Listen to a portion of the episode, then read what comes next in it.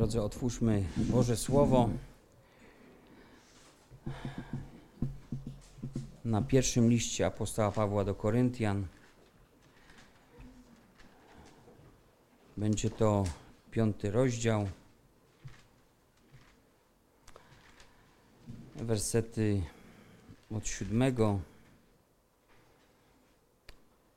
do ósmego. Usuńcie stary kwas, abyście się stali nowym zaczynem, ponieważ jesteście przaśni. Albowiem na naszą Wielkanoc jako baranek został ofiarowany Chrystus. Obchodźmy więc święto, nie w starym kwasie, ani w kwasie złości i przewrotności, lecz w przaśnikach szczerości i prawdy. Drodzy, gdy zbliża się taka chwila jak ta, kiedy upamiętniamy sobie śmierć, zmartwychwstanie Pana, musimy zwrócić uwagę na te źródło, a źródłem jest starotestamentowe święto Paschy i Przaśników. Dokładnie zostało to zapisane w drugiej księdze Mojżeszowej, 12 rozdziale, ale nie chcę jakby czytać całego rozdziału dzisiejszego poranku choć zachęcam do tego, aby sięgać do źródeł i wiedzieć, co z czego się bierze. Tamten czas, który przeżywali Izraelici, jest obrazem, jest cieniem, jest odbiciem wskazującym na prawdziwą rzeczywistość, która znalazła swoje wypełnienie w Chrystusie. Tak jak zresztą napisał to apostoł Paweł w liście do Kolosa, drugi rozdział, 17 wers powiedział: Wszystko to są tylko cienie rzeczy przyszłych, rzeczywistością natomiast jest Chrystus. Biblia opisuje nam dokładnie okoliczności, w jakich te oba święta się pojawiły. Wiemy, że Izrael był już bardzo utrudzony niewolniczą pracą w Egipcie. Faraon zaś nie złamał się pod żadną z dziewięciu plag, która nawiedziła Egipt. Trzymał nadal w niewoli lud Boży, zawziął się nałożył na nich jeszcze większe ciężary, z jeszcze z większą zawziętością sprzeciwiał się Bogu. I wówczas Bóg zdecydował o dziesiątej pladze. Przez Egipt przejdzie niszczyciel, Boży posłaniec śmierci. Pascha z języka hebrajskiego znaczy dosłownie przejść obok kogoś albo ominąć kogoś. I to wskazuje nam na tą wyjątkową noc, której Bóg uczynił różnicę między swoim ludem, swoim umiłowanym narodem, a Egiptem, który niewolił ten naród. Anioł śmierci, przechodząc obok każdego z domów, miał zabrać życie pierworodnego z każdego domu bydła. I zwróćmy uwagę na to, że każda osoba, która wówczas nie podjęła odpowiednich kroków, przygotowań, mogła podzielić los wszystkich Egipcjan. Zatem chociaż Bóg ratował swój naród wybrany, to nie narodowość tak naprawdę decydowało o życiu lub śmierci. Nie status społeczny, ale wyłącznie posłuszeństwo wobec Słowa Bożego, do czego właśnie nie chciał się skłonić faraon. Po piątej pladze Bóg pozostawił go więc w zatwardziałości serca swego, co jest chyba największą tragedią człowieka, gdy Bóg pozostawia go w takim stanie serca, w jakim człowiek pragnie pozostać sprzeciwiając się Panu. Potrzebne więc było z powodu tego twardego serca faraona sprowadzenie niezwykłej, ponad te wszystkie poprzednie, ostatniej plagi. W związku z nadejściem wprowadzonych tych wszystkich środków zaleconych przez Boga, każdy musiał zastosować się w szczegółach, dokładnie, rzetelnie do tego, aby ocalić życie. Bóg nakazał, by lud Izraela przygotował się. Pascha więc odbyła się w atmosferze ściśle określonych zasad i tylko to dawało gwarancję na przeżycie. Czego dotyczyły te przygotowania? Mówiły tak naprawdę o tym, w co oni wierzą odnośnie Mesjasza, wybawiciela, wyzwoliciela, podobnego do Mojżesza, ponieważ sam Mojżesz powiedział, że proroka takiego jak ja, z którym Pan rozmawia twarzą w twarz, takiego jak ja, wzbudzi wam w domyśle kiedyś Pan. I oni oczekiwali tych obietnic. W oczekiwaniu na Paschę przygotowano baranka. Zabijano baranka bez skazy, bez jakiejkolwiek wady, najlepszego z najlepszych. Baranek miał być upieczony w całości. Jego krwią miały zostać pomazane nadproża każdego z domów. Ta krew była znakiem Bożej przychylności dla każdego z tych domów. Każdy, kto nie przygotował się odpowiednio na tą ucztę, na ten czas, na tą noc, poniósł stratę. Więc w czasie wieczerzy paschalnej spożywano baranka, spożywano go wraz z gorzkimi ziołami. Te gorzkie zioła miały przypominać im o tym, jak gorzki, trudny, bolesny był czas ich niewoli, czas ich zniewolenia w Egipcie.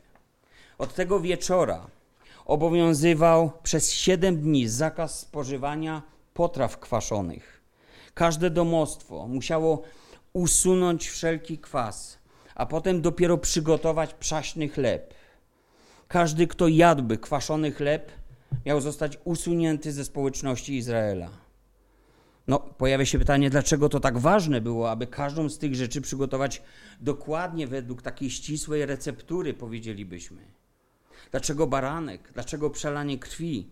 Pomazanie nadproży? Dlaczego usunięcie kwasu? To oczywiście są tylko te główne elementy paschy. Gdy Izraelici słyszeli te nakazy, wiedzieli, że dzięki krwi, Boże, dzięki krwi unikną Bożego sądu nad Egiptem. Dzięki usunięciu kwasu unikną usunięcia ze społeczności ludu Bożego. Pascha miała być też dla nich znakiem po wszystkie pokolenia, żeby pamiętali o tym, że wyszli z miejsca niewoli Bożą ręką w cudowny, niezwykły sposób wyprowadzeni z Egiptu. Mieli pamiętać, czego Bóg dokonał, czego musiał dokonać, aby wyrwać ich z rąk faraona. A więc żadna ludzka siła nie była w stanie zmienić ich sytuacji. Tylko Bóg miał dość mocy, by zachować ich życie. Takiego, takie było z grubsza, patrząc, zrozumienie tego, co czynili, przygotowując się na święto Paschy, jakie nakazał Pan. No i wiemy, niestety, Izrael później wielokrotnie zapominał o Bogu, nie wspominał wybawienia, nie przestrzegał nakazu e, Paschy. To było w czasach upadków, w czasach odstępstwa. A było i tak, że chociaż trwali przy Bogu, to trwali powierzchownie, obchodzili święta w kwasach, które ogólnie mówiąc już wtedy obrazowały ten niewyznany, nieporzucony grzech Bóg patrzył na serca ludzi i patrzy do dzisiaj na serca ludzi. I Bóg widział i widzi kwas nieczystości, przewrotności w życiu człowieka. A więc te ofiary wówczas w Izraelu, w tych czasach upadku, były składane nieszczerze, nie z głębi serca, powierzchownie, bez zrozumienia tego, co tak naprawdę oczekuje Bóg. Prorocy bili na alarm, ale to było jak grochem o ścianę. Wiecie, co to znaczy grochem o ścianę? Ozeasz powiada, co ci mam uczynić, Efraimie? Co ci mam uczynić, Judo? Wszak wasza miłość jest jak obłok poranny, jak rosa, która szybko znika. Dlatego ociosywałem ich przez proroków, zabijałem ich słowami moich ust. I moje prawo wzeszło jak światłość. Gdyż miłości chcę, a nie ofiary. I poznania Boga, a nie całopaleń. Księga Ozeasza, 6 rozdział 4 do 6 wersetu. A to nie jest jedyny prorok. Izajasz Mówi, i rzekł Pan, 29 rozdział Księgi Zajasza, ponieważ ten lud zbliża się do mnie swoimi ustami i czci mnie swoimi wargami, a jego serce jest daleko ode mnie, także ich bojaźń przede mną jest wyuczonym przepisem ludzkim, dlatego też ja będę nadal dziwnie postępował z tym ludem, cudownie i dziwnie. I zginie mądrość jego mędrców, a rozum jego rozumnych będzie się chował w ukryciu.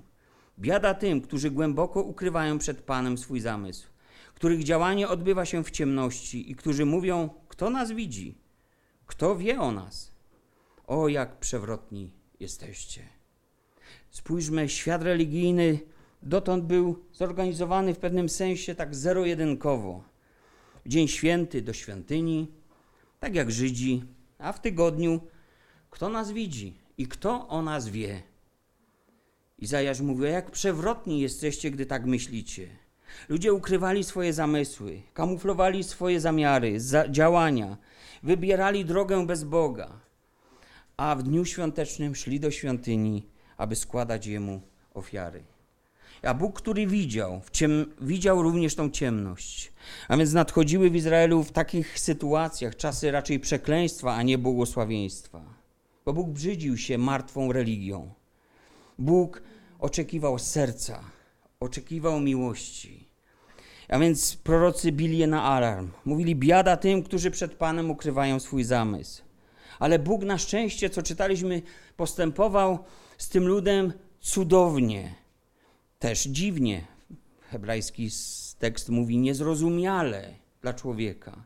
I na ogół, mimo tej powierzchownej natury świąt, w późniejszych czasach wszyscy obchodzili święto w świadomości, że jest to pamiątka dla każdego pokolenia na wieki, począwszy od tego szczególnego dnia, tej nocy szczególnej w Egipcie.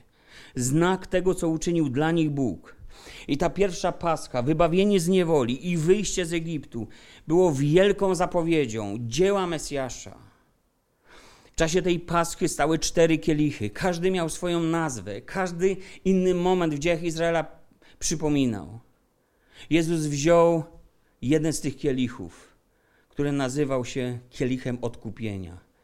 Podniósł go i powiedział: Oto nowe przymierze, krew moja, która się wylewa za was.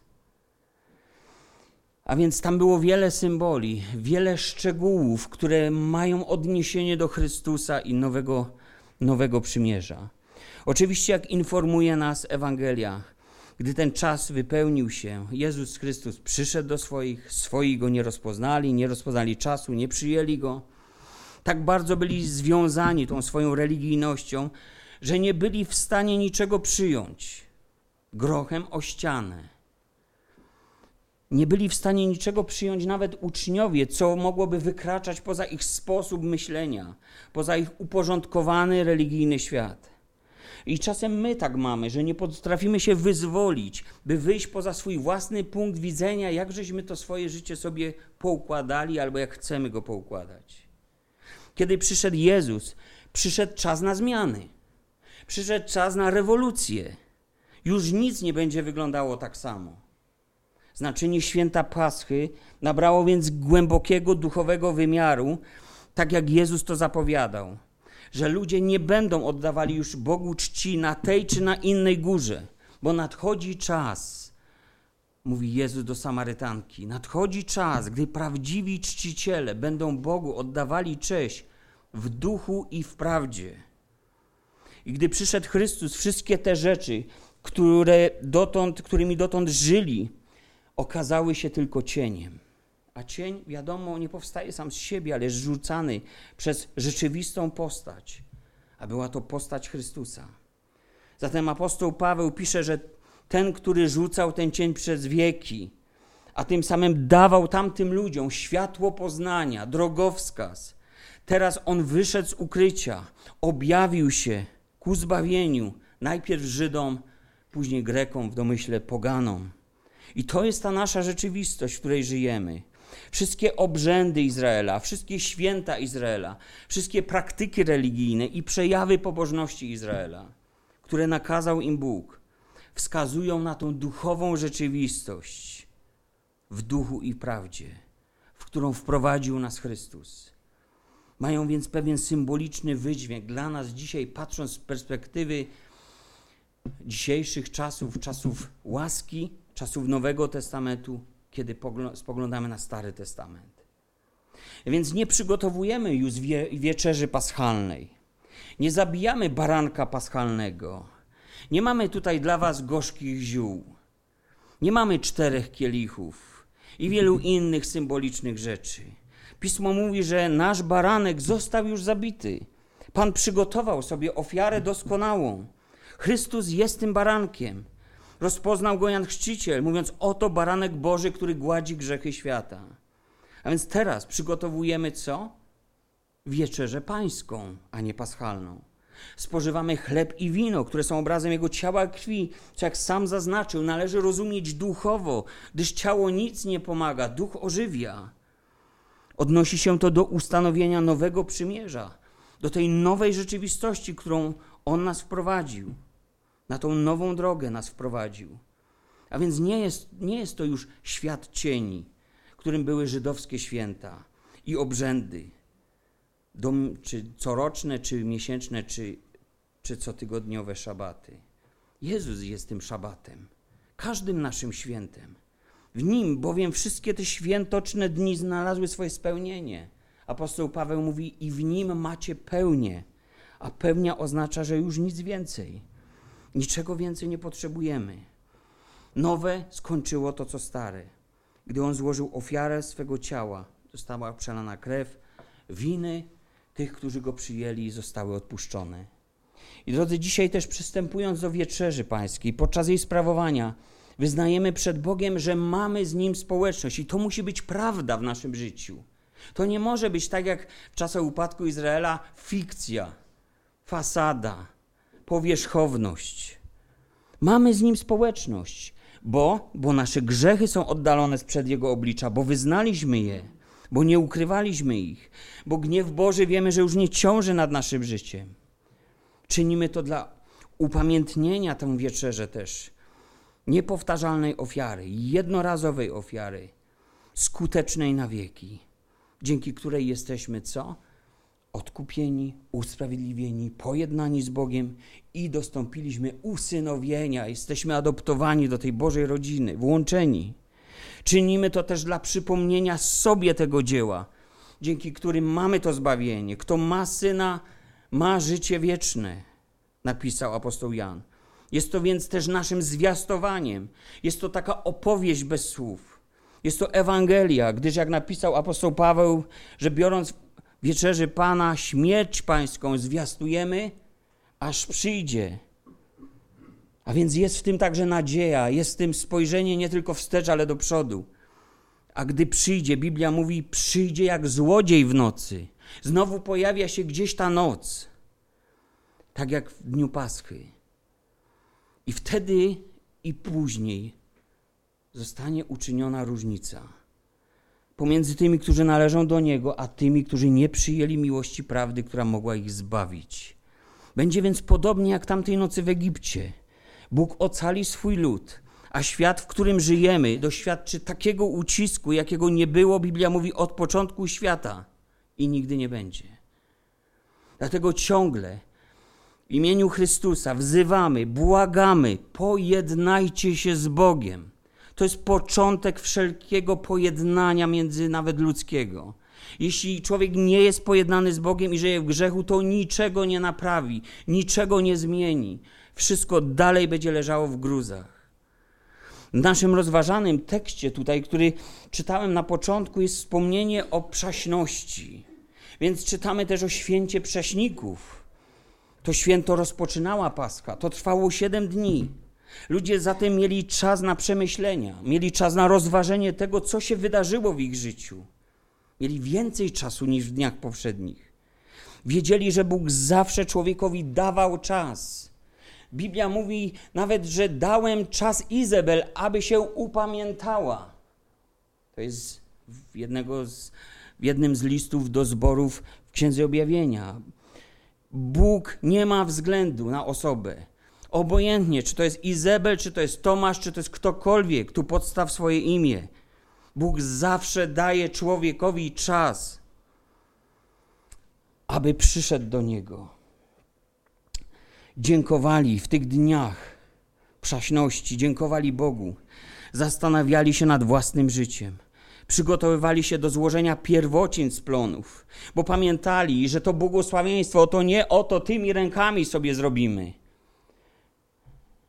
A więc żyli w błogosławieństwie i widzieli to, i mieli spokój w sercu, bo widzieli, że Pan w tym wszystkim jest. A więc biegli najpierw te pierwsze pierwociny oddać Panu, podziękować Mu, a nie na koniec co zostało. Może coś zostanie dla Pana, jak nie, no to, no to nie. Święto Przaśników uświadamiało ludowi, że nie tylko oni sami, ale również wszystko, co posiadają, należy do Pana. W liście do Koryntian apostoł Paweł odniósł to święto Przaśników do naszego życia z Chrystusem. Mówi, usuńcie stary kwas. Dlaczego? Dlatego, ponieważ jesteście przaśni. A więc nie pieczemy już przaśnych chlebków, bo one tylko wskazywały na to, jakimi powinny być ludzkie serca. Pan pragnie, abyśmy byli przaśni, bez tego duchowego kwasu, abyśmy żyli bez kwasów, Czy my wiemy, jak żyć bez kwasów? Bo może ktoś ma ciągle kwas w życiu. Drodzy, nie ma takiej możliwości, abym mógł przyjąć od Boga błogosławieństwa, abym nie przegapił ich, aby nie przeszły one jakby przez palce, jeśli nie usunąłem ze swojego życia kwasu. Bo kwas wszystko niszczy, taka jest jego natura. Jeśli jest kwas w moim sercu, to to jest cała atmosfera mojego serca. Atmosfera gorzkości, atmosfera żalu, atmosfera pretensji, wyrzutów. To jest całe moje życie. I to jest ze mną wszędzie, gdzie jestem. Z obfitości serca mówią usta. Z serca pochodzą nasze myśli, nasze dążenia. Jezus mówi: Nie to kala człowieka, co wchodzi do człowieka, ale to kala człowieka, co z niego wychodzi. Wiecie, Żydzi i z tym sobie powierzchownie jakoś radzą. Do dziś na tą okazję, bo to jest okazjonalne, mają przeznaczone temu święto. Jom Kippur, święto pojednania. I to jest święto naprawiania wszelkich relacji, święto przebaczania sobie nawzajem, pojednania z Bogiem. Ale my mamy coś więcej niż to. Na naszą Wielkanoc został ofiarowany baranek. Co jest tą naszą Wielkanocą? A dosłownie trzeba by za tekstem greckim zapytać, co jest tą Twoją paschą dzisiaj? Naszą Wielkanocą jest ta społeczność z Chrystusem, zaczynająca się od przyjęcia Go, przyjęcia baranka, mówiąc obrazowo spożycia tego baranka, tak jak oni tej nocy, której On zgładził nasze grzechy, tak jak wtedy ocalił ich od grzechów Egipcjan, od tej knąbrości faraona. To jest nasza Wielkanoc, że mnie odkupił z niewoli grzechu. To moje życie uratował od gniewu swego. Dał mi pojednanie z nim. On wszystko zaoferował, wszystko przygotował. To dużo więcej, wiecie, niż uwolnić kogoś z Egiptu. A on, jak bądź co bądź, symbolizuje dzisiaj Egipt, Biblii ten zgubny wpływ tego świata i tragiczne skutki grzechu. Ludzie nie zastanawiają się nad skutkami grzechu, bo grzech bywa i taki, że na początku bardzo smakuje. Czy taką swoją osobistą Wielkanoc doświadczyliśmy w życiu? Wielkanoc to może być oczywiście jakiś szczególny dzień w kalendarzu religijnym, ale nie musi to być tylko dzień. To może być stan Twojego serca. To może być rzeczywistość Twoich dni. Stan tego, że trwale przeżywasz coś z Bogiem. Zatem zapytam, czy jesteś przaśnym człowiekiem? Czy usuwasz kwas ze swojego życia? Czy umiesz żyć bez kwasów z ludźmi? Apostoł Paweł, 2 Koryntian 5:20 mówi: W miejsce Chrystusa poselstwo sprawujemy, jak gdyby przez nas Bóg upominał. Ja wiem, że to są tylko moje słowa, ale tamte słowa też były tylko słowami apostoła. Ale mówi w miejsce Chrystusa, tak jak gdyby on sam mówił, w miejsce Chrystusa prosimy, pojednajcie się z Bogiem. Pojednaj się, ale co to znaczy? Na określenie wezwania, pojednania apostoł Paweł w pierwotnym tekście użył greckiego słowa katalasso, które, którym był napisany oczywiście Nowy Testament w tej Grece. To słowo oznacza dosłownie przywrócić. Przywrócić. Co Bóg chce przywrócić? W kontekście ofiary Chrystusa i tej Wielkanocy, Jego przelanej krwi na krzyżu, zaoferowanego zbawienia, widzimy, że Bóg chce przywrócić człowieka do źródła łaski, do przychylności swojej, do społeczności z nim samym. A tą społeczność odtrąciliśmy przez grzechy. Powstał mur nieprzyjaźni. Nie można się przebić na drugą stronę. W jednym z najnowszych katolickich przekładów Pisma Świętego, edycja świętego Pawła, czytamy Psalm 49, werset 9, 10 czytamy: Nikt nie wykupi sam siebie, nie wypłaci się wobec Boga. Zbyt cenne jest życie Jego i nigdy Mu na to nie starczy, aby żyć wiecznie i nie doznać zagłady. Nie dasz rady sam. Bez Chrystusa nie damy rady.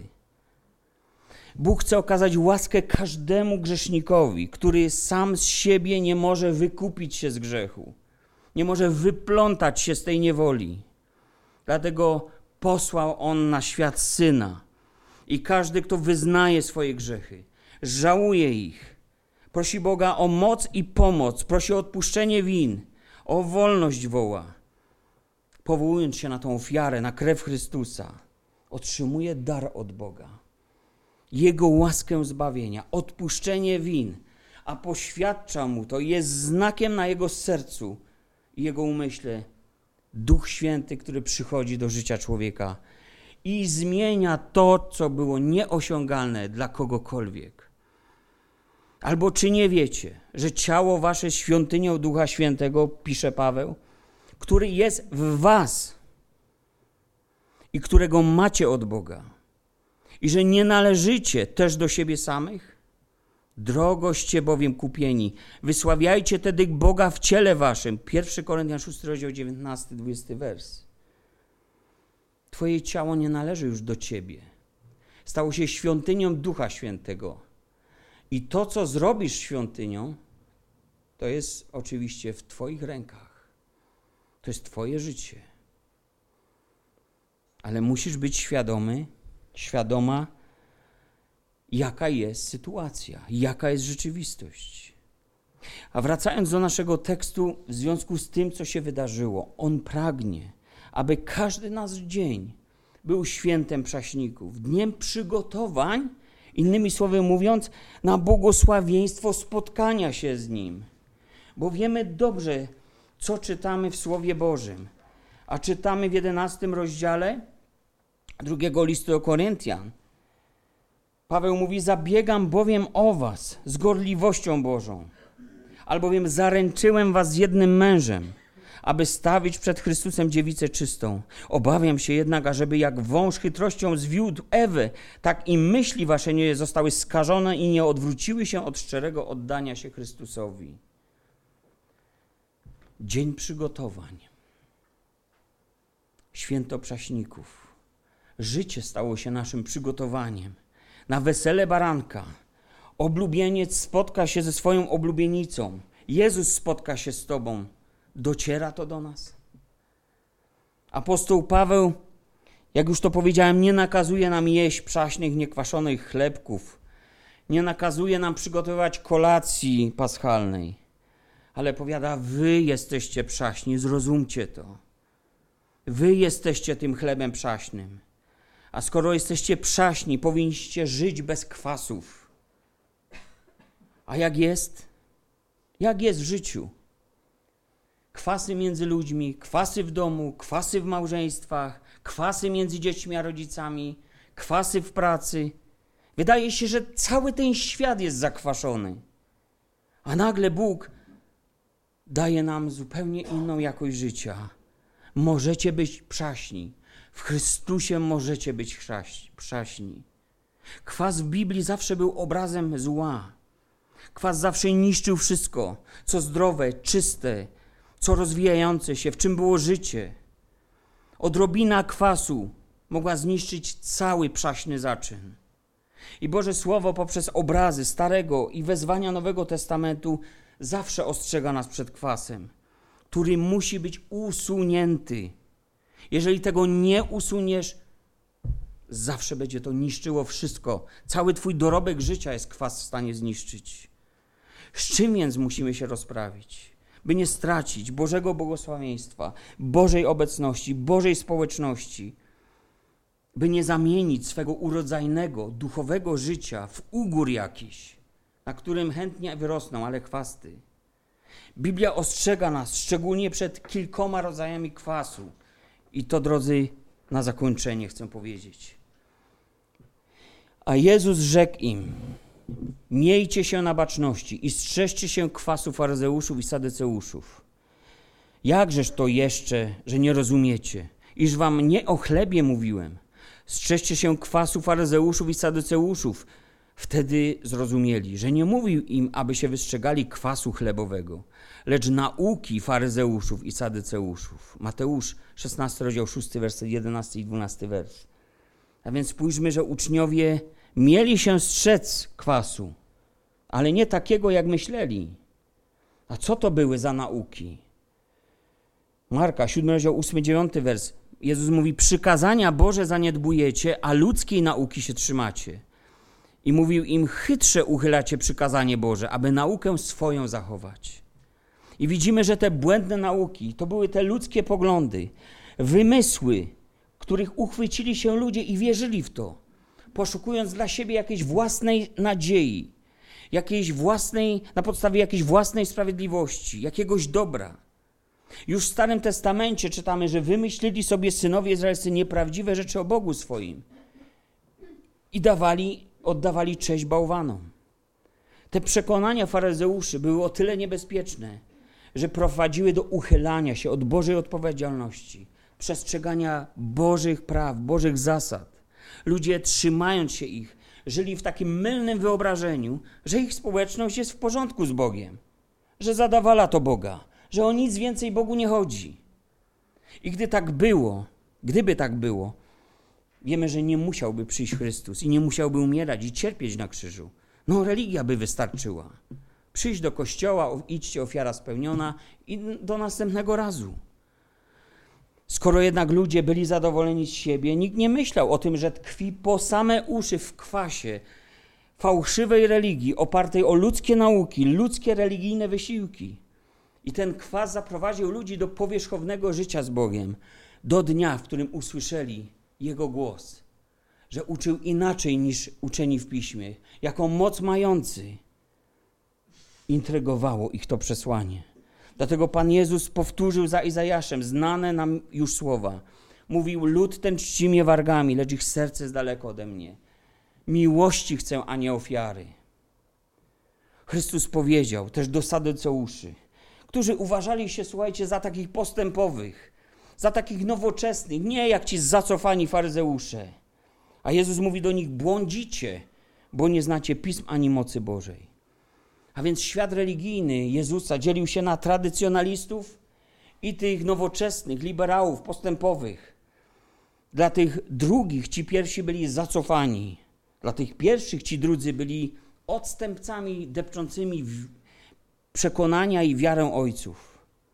Filozofia saduceuszy. Może była logiczna, inteligentna, racjonalna, na pewno nowoczesna, czysta od staroświeckich poglądów, ale ona nie była prawdziwa.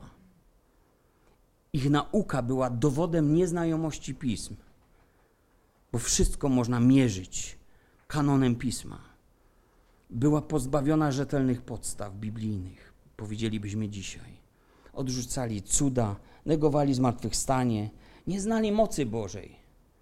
Wszystko dla nich było racjonalne do wyjaśnienia. Jeśli nie teraz, to nauka to wyjaśni. Wiemy, że te poglądy przetrwały do dzisiaj, choć nikt nie nazywa ich poglądami saduceuszy. A więc nauki faryzejskie, saducejskie, chociaż sprzeczne ze sobą, były kwasem całkowitej rozwiązłości intelektualnej, dowolności. Ludzie sobie wierzyli w co chcieli, taki relatywizm. Ty masz prawdę, dobrze, ja mam też prawdę. Twoja prawda działa, niech działa, moja też działa. Daj mi święty spokój. I wszyscy szli, jedni i drudzy, postępowi i te konserwy. Wszyscy szli w przepaść. Ślepy ślepego prowadził. Zatem zadajmy sobie pytanie – czy żyjemy w kwasie fałszywych przekonań, fałszywych wyobrażeń o Bogu, fałszywych oczekiwań, fałszywych poglądów na temat wiary, Boga, Kościoła? Usuńcie stary kwas. Ale to nie jedyny kwas. Marka 8, rozdział 15, werset. I nakazał im mówiąc, baczcie i wystrzegajcie się kwasu faryzeuszów i kwasu Heroda było, jak widać, coś, co łączyło faryzeuszy z Herodem, choć na pewno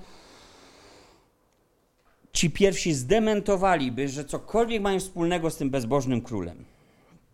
Choć Żydem. Kwas Heroda dotyczył jego stylu życia. Herod żył w kwasie swoich grzechów.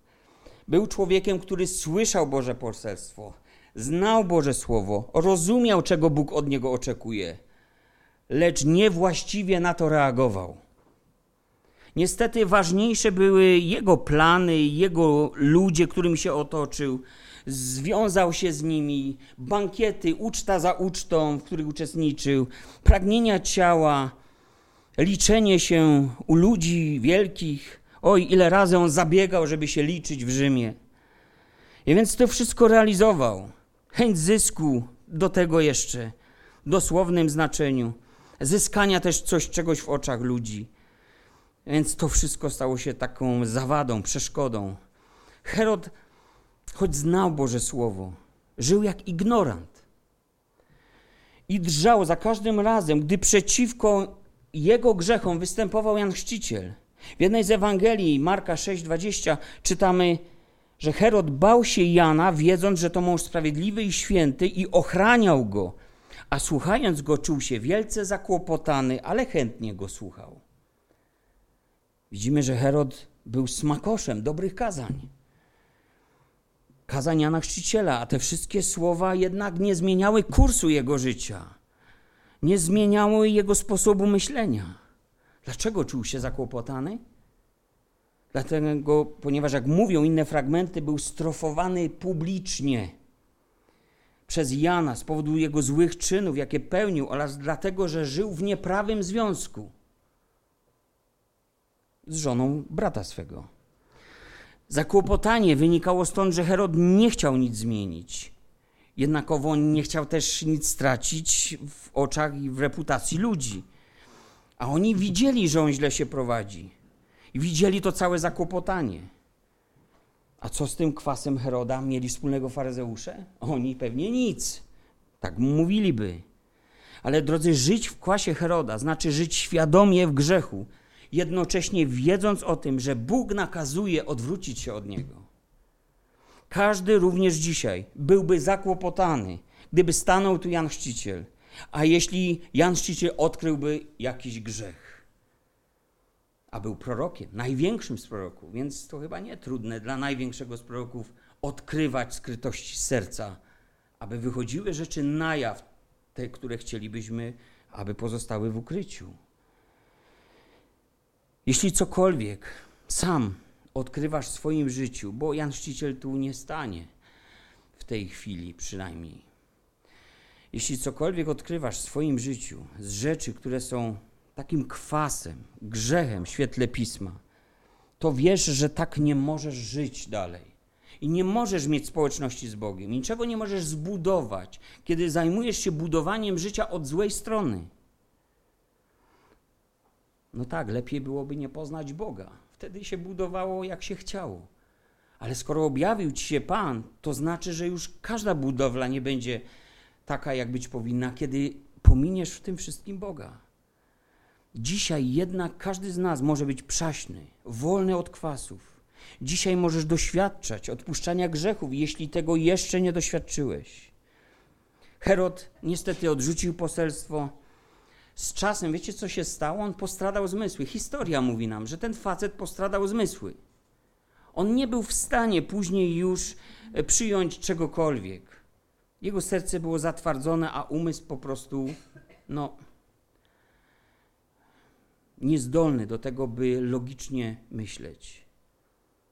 A faryzeusze, ci, którzy nie napominali grzechu Heroda, no bo ręka rękę myje My mamy korzyść, on ma korzyść, status quo się liczy. Okazało się wkrótce, że Jezus do nich mówi, że, że oni są jak pobielane nagrobki. Z zewnątrz biali, czyści, ładni, może i uprzejmi, uśmiechnięci, ale wewnątrz hmm, zupełnie inna rzeczywistość. Jezus bez ogródek mówił o trupich kościach, nieczystościach, o gwałcie, o śmierci. Tak zdiagnozował ich serca Jezus. Ich wnętrze nie odpowiadało tej rzeczywistości, jaką wykreowali między ludźmi. Trzeci kwas. Łukasz, dwunasty rozdział, od pierwszego wersetu. A gdy się zgromadziły niezliczone rzesze ludu, tak iż nawzajem się deptali, zaczął mówić najpierw do uczniów swoich: Strzeżcie się kwasu faryzeuszów, to jest obłudy bo nie ma nic ukrytego, co by nie wyszło na jaw, ani tajnego, co by nie stało się wiadome.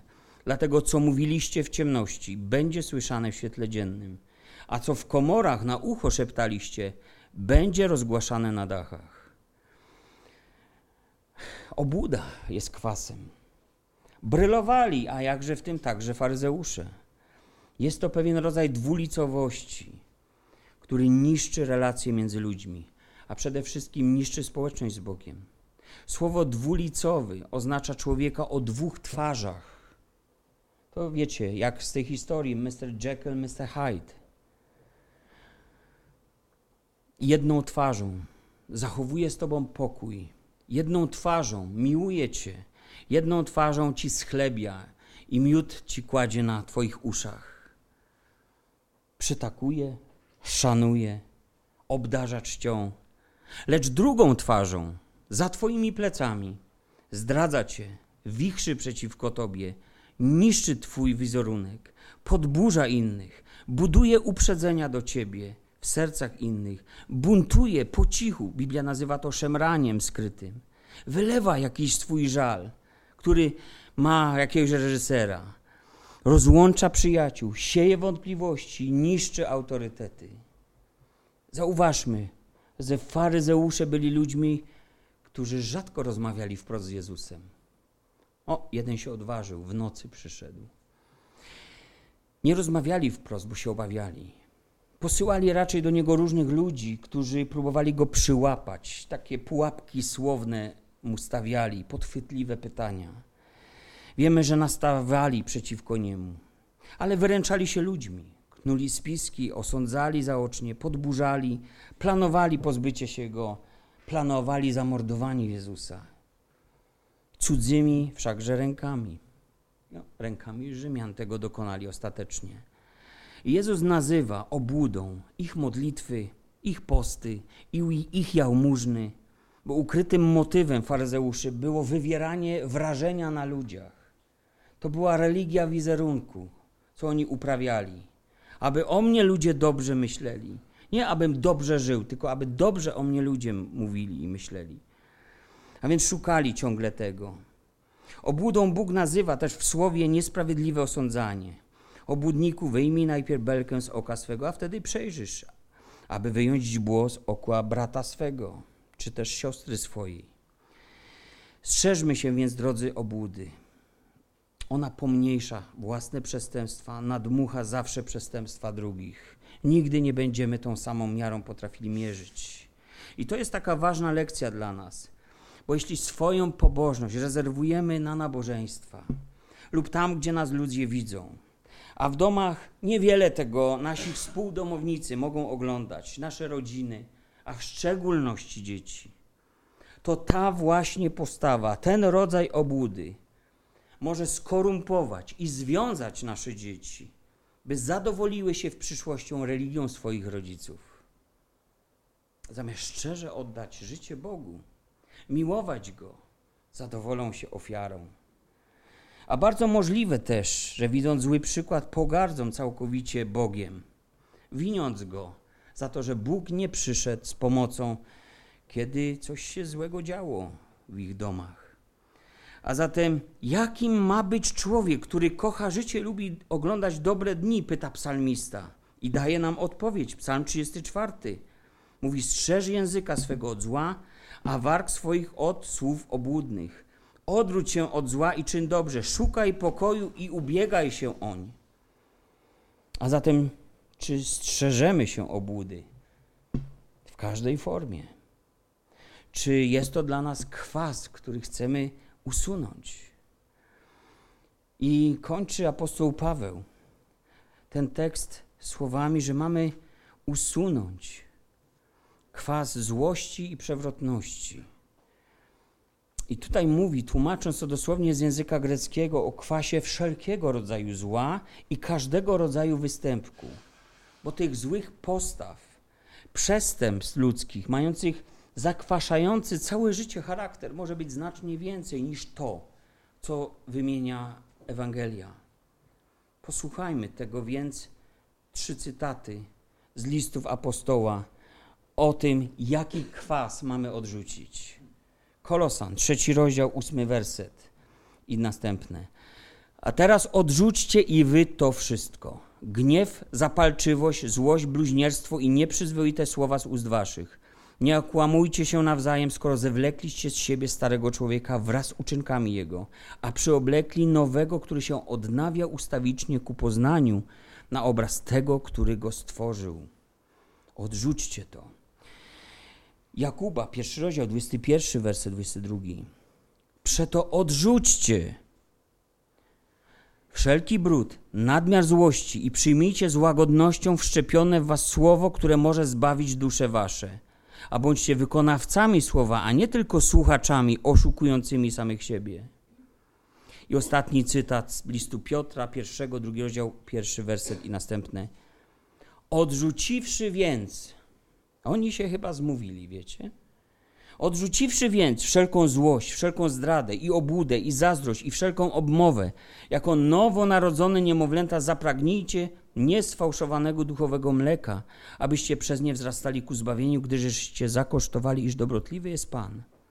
A więc podsumowując, odrzućcie, usuwajcie, pozbądźcie się, niech nic z tego nie zostanie w waszym życiu. Jednomyślnie mówią Paweł, Piotr, Jakub. Niech ani odrobina kwasu nie pozostaje wśród Was. Zatrzymaj się więc dzisiaj. Dzisiaj jest szczególny dzień. Jeśli nie dzisiaj, to kiedy? Jeśli nie w rocznicę zmartwychwstania Pańskiego, no bo przecież nie chodzi nam o jajka, o dobry obiad, o te wszystkie sprzątania. No chyba nie tak chcemy oddać cześć temu, który z martwych powstał. Jak najlepiej.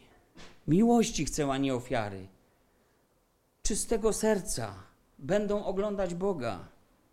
Bliski jest Pan wszystkim, którzy Go wzywają szczerze. Stary przekład Biblii Gdańskiej mówi, którzy Go wzywają w prawdzie. Jezus mówi w duchu i w prawdzie. Obmyjcie się, oczyśćcie, usuńcie wasze złe uczynki sprzed moich oczu. Przestańcie źle czynić, mówi Izajasz już w pierwszej rozdziale swojej księgi. Chrystus więc mówi do nas, dzisiaj przez pismo. Mówi do mnie, mówi do ciebie: usuń kwas i uczci mnie. Gdyż na Twoją, moją Wielkanoc został darowany Ci baranek, który gładzi wszystkie Twoje grzechy. Słyszysz? Wszystkie. Wszystkie. Najgorsze paskudztwa, najpodlejsze grzechy. Wszystkie. Paweł nie czuł się godny. Nazywał siebie poronionym płodem ostatnim, najmniejszym z apostołów, bo nie rozumiał tej łaski. Wszystkie jego grzechy.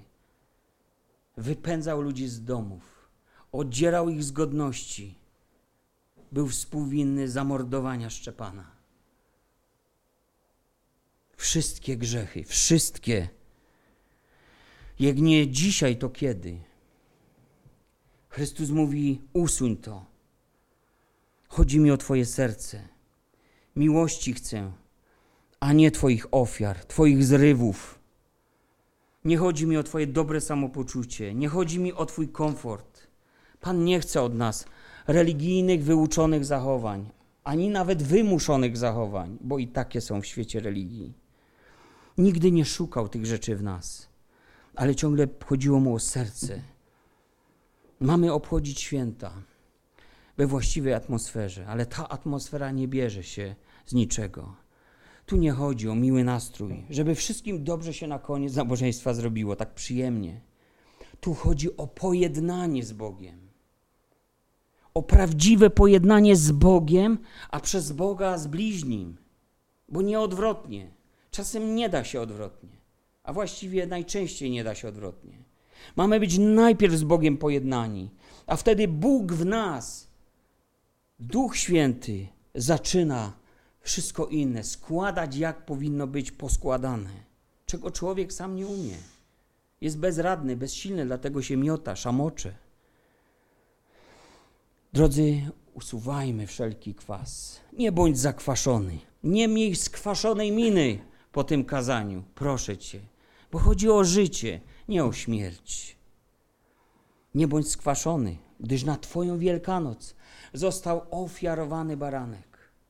I to jest właśnie cud Paschy, która ma ten wymiar duchowy, w duchu i w prawdzie. Bądź takim czcicielem Pana, takim niezafałszowanym, przaśnym. Nie chodzi, że wypasionym, po prostu przaśnym, bez jakiegokolwiek kwasu w te święta wielkanocne. I wiecie, życzę Wam, życzę sobie, życzę Wam takiej społeczności ze zmartwychwstałym Panem, żebyście mogli czerpać z mocy zmartwychwstania. Bo apostoł Paweł, i tym chcę zakończyć, powiedział wyraźnie, że on wszystko inne już dawno uznał za szkody. A to był człowiek niesamowicie wykształcony, z najlepszym obywatelstwem w tamtym świecie, najlepszymi papierami. On mówi, że wobec doniosłości Chrystusa te rzeczy tylko mogły mu zaszkodzić. One same w sobie nie były szkodliwe, ale wobec doniosłości Chrystusa. I cóż powiedział takiego ważnego nam o zmartwychwstaniu? Ano w liście do Filipian czytamy o tym. Chciałbym to przeczytać jeszcze. Lecz więcej, wszystko uznałem ze względu na Chrystusa za szkodę, lecz więcej jeszcze wszystko uznają za szkodę wobec doniosłości, jaką ma poznanie Chrystusa Pana mego, dla którego poniosłem wszelkie szkody i wszystko uznają za śmiecie, żeby zyskać Chrystusa i znaleźć się w nim, nie mając własnej sprawiedliwości opartej na zakonie, lecz tę, która się wywodzi z wiary w Chrystusa, sprawiedliwość z Boga na podstawie wiary, żeby poznać Go i doznać mocy zmartwychwstania. Słyszysz to?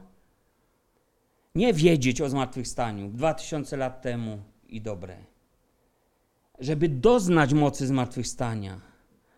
Kiedy Paweł mówi, że wierzymy dzięki przemożnej sile Jego, to to słowo siła oznacza tą samą moc zmartwychwstania.